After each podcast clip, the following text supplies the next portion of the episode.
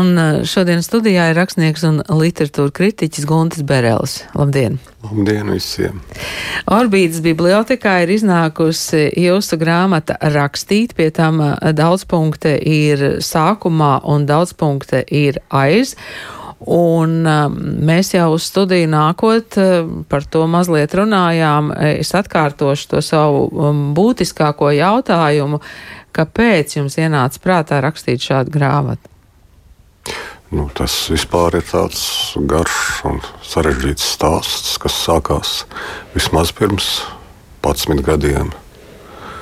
Kad man pirmo reizi piedāvāja kļūt par Literārās akadēmijas prozas meistardarbnīcas vadītāju nu, gandrīz vai loģiski, ka es sameklēju uh, kādas rakstīt mācības grāmatas, kuras ne, nebija lasījis, nebija iepazinies ar viņām. Apmēram tādas, kā sarakstīt ģeniālu romānu, kā sarakstīt bestselleru 30 dienās un tā tālāk. Pārsirstīju viņas un sapratu, ka no viņām es varu paņemt absolūtu un pliku neko tās grāmatas ir pilnīgi bezjēdzīgas. No viņām uh, rakstīt, iemācīties nevar. Gluži pretēji, viņas drīzāk uh, tam jaunajam censonim var kaitēt.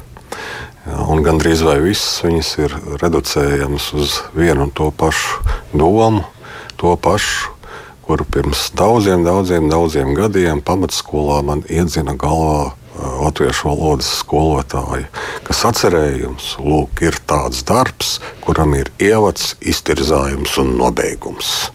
Un vairāk nekā nevajag zināt. Nu, labi, es mazliet, protams, visu hiperbolizēju. Ja? Tās grāmatas gluži bezjēdzīgas nav. Un tie cilvēki, kas viņas rakstījuši, arī nav muļķi.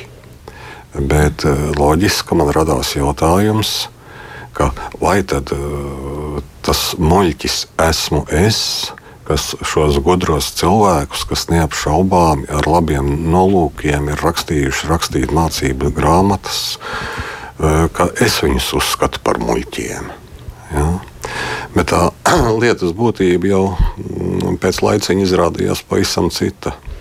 Būtībā visas šīs grāmatas, eh, rakstniecību, tātad radošo procesu, uzskata kā tādu tehnisku uzdevumu. Nu, kaut ko līdzīgu saremontēt datoru, izremontēt dzīvokli, sanaglot suņu būdu vai, vai kaut ko tamlīdzīgu. Līdz ar to, vadoties pēc savas pieredzes un savām iedomām, viņi vienkārši apraksta grāmatas tapšanas tehnisko procesu. Tas ir to procesu, ko var dabūt no jau sarakstītas grāmatas, analizējot to pēc viņu pašu kritērijiem. Iedomāsimies, ja Džais būtu lasījis e, grāmatas par tēmu, kā sarakstīt ģeniālu romānu, vai viņš tiešām būtu dabūjis gatavu lisu. Man liekas, ka nē, viņš būtu purvā līdz ausīm un ūdens mutē. Jūs toreiz eh, piekritāt kļūt par literārās akadēmijas prozas eh, meistardarbnīcas vadītāju? Jā, es piekrītu. Bija brīnišķīgs gads, tas div, divreiz mēnesī sanākšanas manā dzīvoklī uz, liekas, uz sešām stundām un diskusijas daudz stundu garumā un tā tālāk. Vēl pagāja pāris gadi Man vēlreiz piedāvāja kļūt par šīs pašas uh, prozas metodarbnīcas vadītāju. Nu, tad, ja es biju gudrāks, sarakstīju tās tēmas, par ko es runāšu, un sapratu vēl, bet te tā sanāk grāmata. Un tā, man liekas, pirmā nodaļa no tās grāmatas tika publicēta liekas 2015. gadā. Tātad var teikt, ka viņi ir tapusi lēni un ar pārtraukumiem uh, septiņus gadus. Bet, um, nu, varot vaļā to grāmatu, varētu būt uh, dažādas sajūtas. Um, varētu būt sajūta, ka, nu, Berelis pateiks, kā rakstīt, vai Berelis pateiks, kāpēc vispār nerakstīt, vai vēl kaut kāds trešais, ceturtais ceļš, nu, jaunam iesācējam, kurš ir nolēmis, ka viņš grib rakstīt, jūs ieteikt lasīt šo grāmatu? Pirmajā nodaļā es par to rakstu. Es noteikti iesaku lasīt šādas rakstītmācību grāmatas, arī manējo, izlasīt un pēc tam izmest. Nu, lūk. jo visus šos ieteikumus var paturēt prātā, bet viņiem nedrīkst uzt, uzticēties kā tādai galīgai patiesībai. Jo rakstīt, iemācīt no malas nevar. Rakstīt var tikai iemācīties. Nevēlties tajā grāmatā, nu, tas padoms gan jāņem vērā. Desmitām reižu atkārtoja, ka tev ir jāraksta, tev ir jāraksta, tev ir jāraksta dien, dienā, dien, dienā, dien, dienā. Nevienu dienu neizlaižot. Kaut vai dažas rindiņas, bet jāraksta katru dienu. Un kad lūk, sakrāsies šī paša rakstīšanas pieredze pietie, pietiekošā daudzumā, cilvēks vienkārši nonāks pie apjēgas, kas tad ir literatūra, kāds, kāda ir tā viņa taciņa literatūrā, un vai vispār viņam ir vērts rakstīt. Jo es zinu pietiekoši daudz gadījumus, kur cilvēki ir mēģinājuši, mēģinājuši rakstīt, bet sapratuši, ka tas vienkārši viņam nav dots. Un par to nevajag satraukties.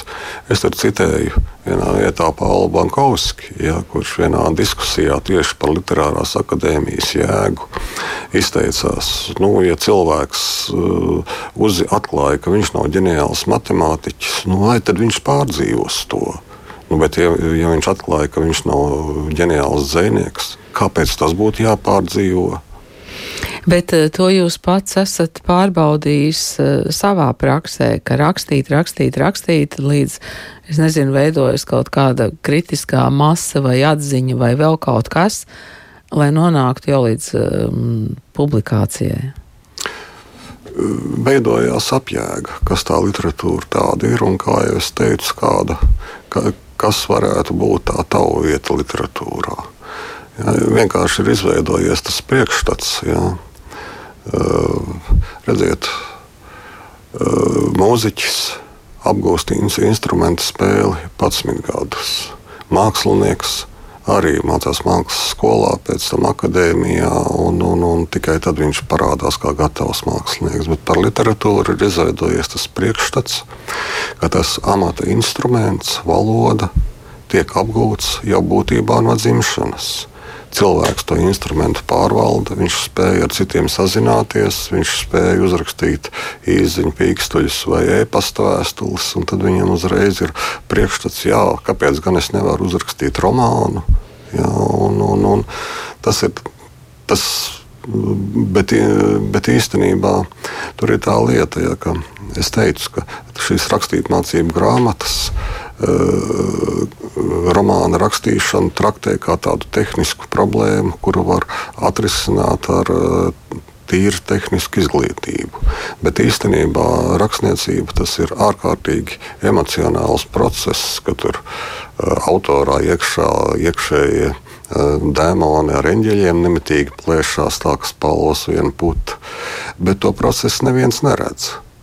Jā, tur ir tā lieta, ka atšķirībā teiksim, no aktiera vai arī mūziķa, kas uz skatuves eh, var pārdzīvot. Jā, tās rakstnieku pārdzīvojumus un emocijas neviens neredz. Un vēl vairāk parasti rakstnieki ir intro, ļoti introverti tipi, un, un, un viņi tos savus pārdzīvojumus rūpīgi spēja noslēpt no citiem. Ja nu vienīgi tā, ka iznāk piedzēries no kroga un sāk klārēt vaļā, cik viņam ir sūdīgi, nu, tad pa viņu tikai pasmējās dabiski. Ja? Un citam spalvas brālim vai māsai to arī nevar stāstīt, ja? jo viņi, viņiem ir pašiem savi eņģeļi un dēmoni, ar kuriem jācīnās. Viņš tagad nemaz neklausīsies par taviem. Un lūk, šo emocionālo daļu, tās rakstīt mācību grāmatas parasti uh, vispār neņem vērā. Savukārt es savā grāmatā tieši akcentēju šo pusi. Ja, tur ir par bailēm no teksta, par uh, riebumu pret tekstu, par to, kā uh, teksta pirmais teikums var kļūt par emocionālu šķērsli, lai vispār uh, sāktu. Tāpat arī par autora attiecībām ar, ar kritiku, ja, ka tās ir pilnīgās muļķības, ka autors saka, man pa kritiku vispār nospļauties. Nevēl viņš mulda. Viņam nav nospļauties. Viens indīgs vārds, ja var samaitāt viņam uh, garstāvokli uz mēnešiem, un viņš var ar to kritiķi vairs savu mūžu nerunāt. Starp citu, man kā kritiķiem ir tādi gadījumi bijuši. Vairs nerunā ar jums, jā? Uh, jā, atsakās kontaktēties. Un, un, un ir bijuši tādi gadījumi, un turklāt uh, saistībā ne jau ar tiem niknākajiem rakstiem. Man prātā ir nu, jau sen nelaiķis, ja Jānis Mauliņš. Es kādus trīs viņa romānus nu, pilnīgi iznīcinoši nokritizēju, bet mums bija forši runāties kopā. Mēs varējām mm, strīdēties par jebko. Viņš ir gudrs cilvēks, bet tikai briesmīgi nevērīgs rakstnieks bija. Ja. Bet ir tādi, ja, kas ņem pie sirds. Un es tur arī vienu piemēru izstāstīju, ka kāds cilvēks Tas jau bija tālu pagātnē, vēl padomu laikā, kad viņš bija jaunais rakstnieks un saņēma briesmīgi iznīcinošu kritiku par vienu savu grāmatu. Un vienkārši viņš aizvērās pilnīgi ciet uz vairāk nekā 20 gadiem. Un viņš pats man teica, viņš tagad arī jau labu brīdi ir aizsaulē. Viņš pats man teica, ka iemesls esot bijis viena vienīga neganta recenzija. Un viss, viņš vairs 20 gadus nav rakstījis pilnīgi nekā. Varbūt viņš muldēja, varbūt viņš negribēja vienkārši rakstīt.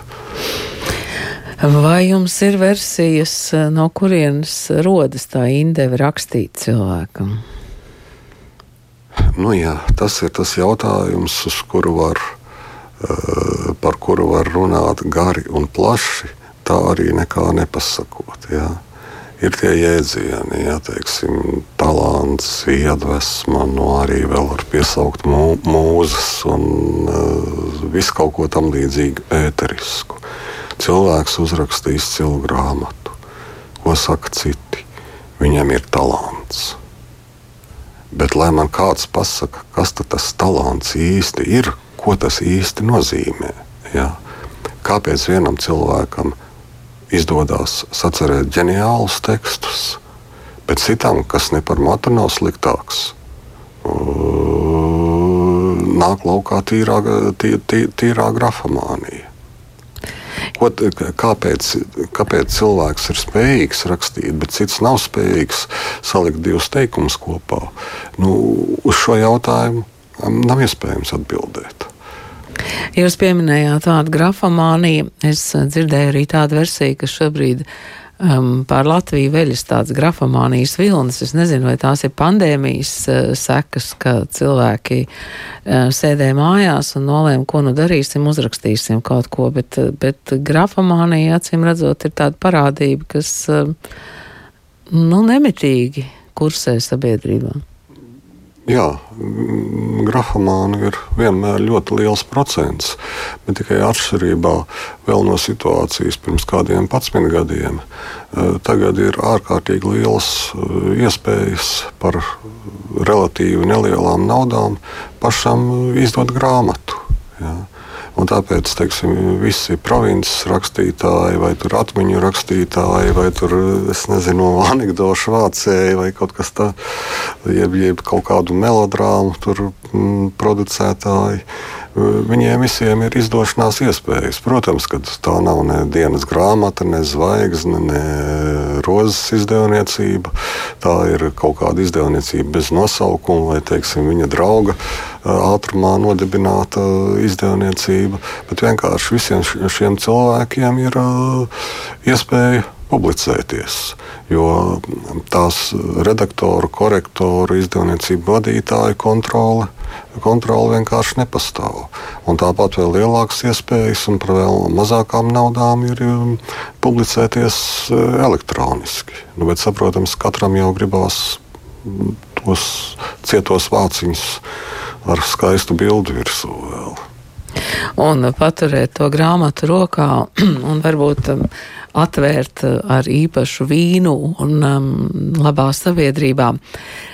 Bet um, kā tad jūs teiktu, kāds ir jauna cilvēka ceļš uz grāmatu? Pa kurieni? nu, viens ceļš varētu būt tāds kā man, ja, kad es dzīvoju ļoti noslēgti, pilnīgā lauka čuhņā. Ja, Un, un, un ja pirms tam provinces mazpilsētā. Un vienkārši man bija interesanti rakstīt. Es rakstīju, rakstīju, rakstīju. Pēc tam es jūtu, ka Nu, Vārdu sakot, tas bija absolūtā vientulībā. Mm, tur varbūt kādam draugam parādot, un uh, paklausoties, uh, uzslavs, cik es esmu ģeniāls un tā tālāk. Ja. Bet otrs ceļš pat labam ir uh, ļoti veiksmīgi izstrādāts. Ja. Tas ir tāds kā filtrs. Proti, vispirms jaunais censonis Viņš skolnieks vēl ir, jā, viss viens, viņam varbūt pat 14 gadi ir, arī tādi gadījumi ir bijuši. Varbūt pat 14 gadi ir 15, 18, 20 students. Jā. Viņš nosūta savus darbiņus uh, uz literāro nometni aicinājums. Un tur viņa darbiņi tiek parasti izvērtē profesionāļi, bet arī samērā jauni un tas ir tāds kā filtrs. Tālāk filtrs darbojās tā, ka šis cilvēks iesniedz savus tekstiņus jauno iesācēju autoru semināram. Ja? Tas ir līdzīgs aicinājumam, bet jau mazliet nopietnākas prasības tur ir, nopietnāka vērtēšana, un tas filtrs arī ir nopietnāks.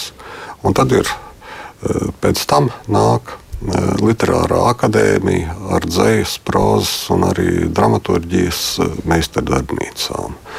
Un tās ir jau nopietnas mācības. Davis, ka nevēl, lai viņš tur neiemācās, kaut arī lekcijas ir ļoti interesantas. Bet visā šajā procesā pats galvenais ir tas, ka nevis ko viņš tur kas viņam tur tiek iestāstīts, ar ko viņš tiek sabarots.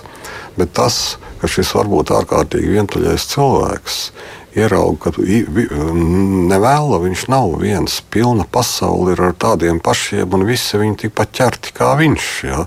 Viņi neskāpēc ņem un apraksta papīru. Un, un, un. Bet tas nav līdzīgi kā anonīmie alkoholiķi, kur ierauga, ka redz, cik daudz pasaulē ir alkoholiķi. nu, es nezinu par šo alkoholismu. Sumersets Mojams teica, ja, ka um, ar rakstniecību ir tāpat kā ar uh, alkoholismu. Tā ir viegli var pakļauties, bet grūti tikt vaļā. Un viņš jau nu zināja, ko uh, runāja, jo viņš nodzīvoja 92 gadus un šķiet 89 grāmatas sarakstīja. Jā, paldies par ieskatu šajā grāmatā rakstīt. Pēdējais teikums jums ir rakstu, reizēm pat iesaku to darīt arī citiem. Paldies šodien par sarunu rakstniekam un literatūru kritiķim Guntim Berelim. Tātad Orbītas bibliotekā tāda koša dzeltena grāmata rakstīt.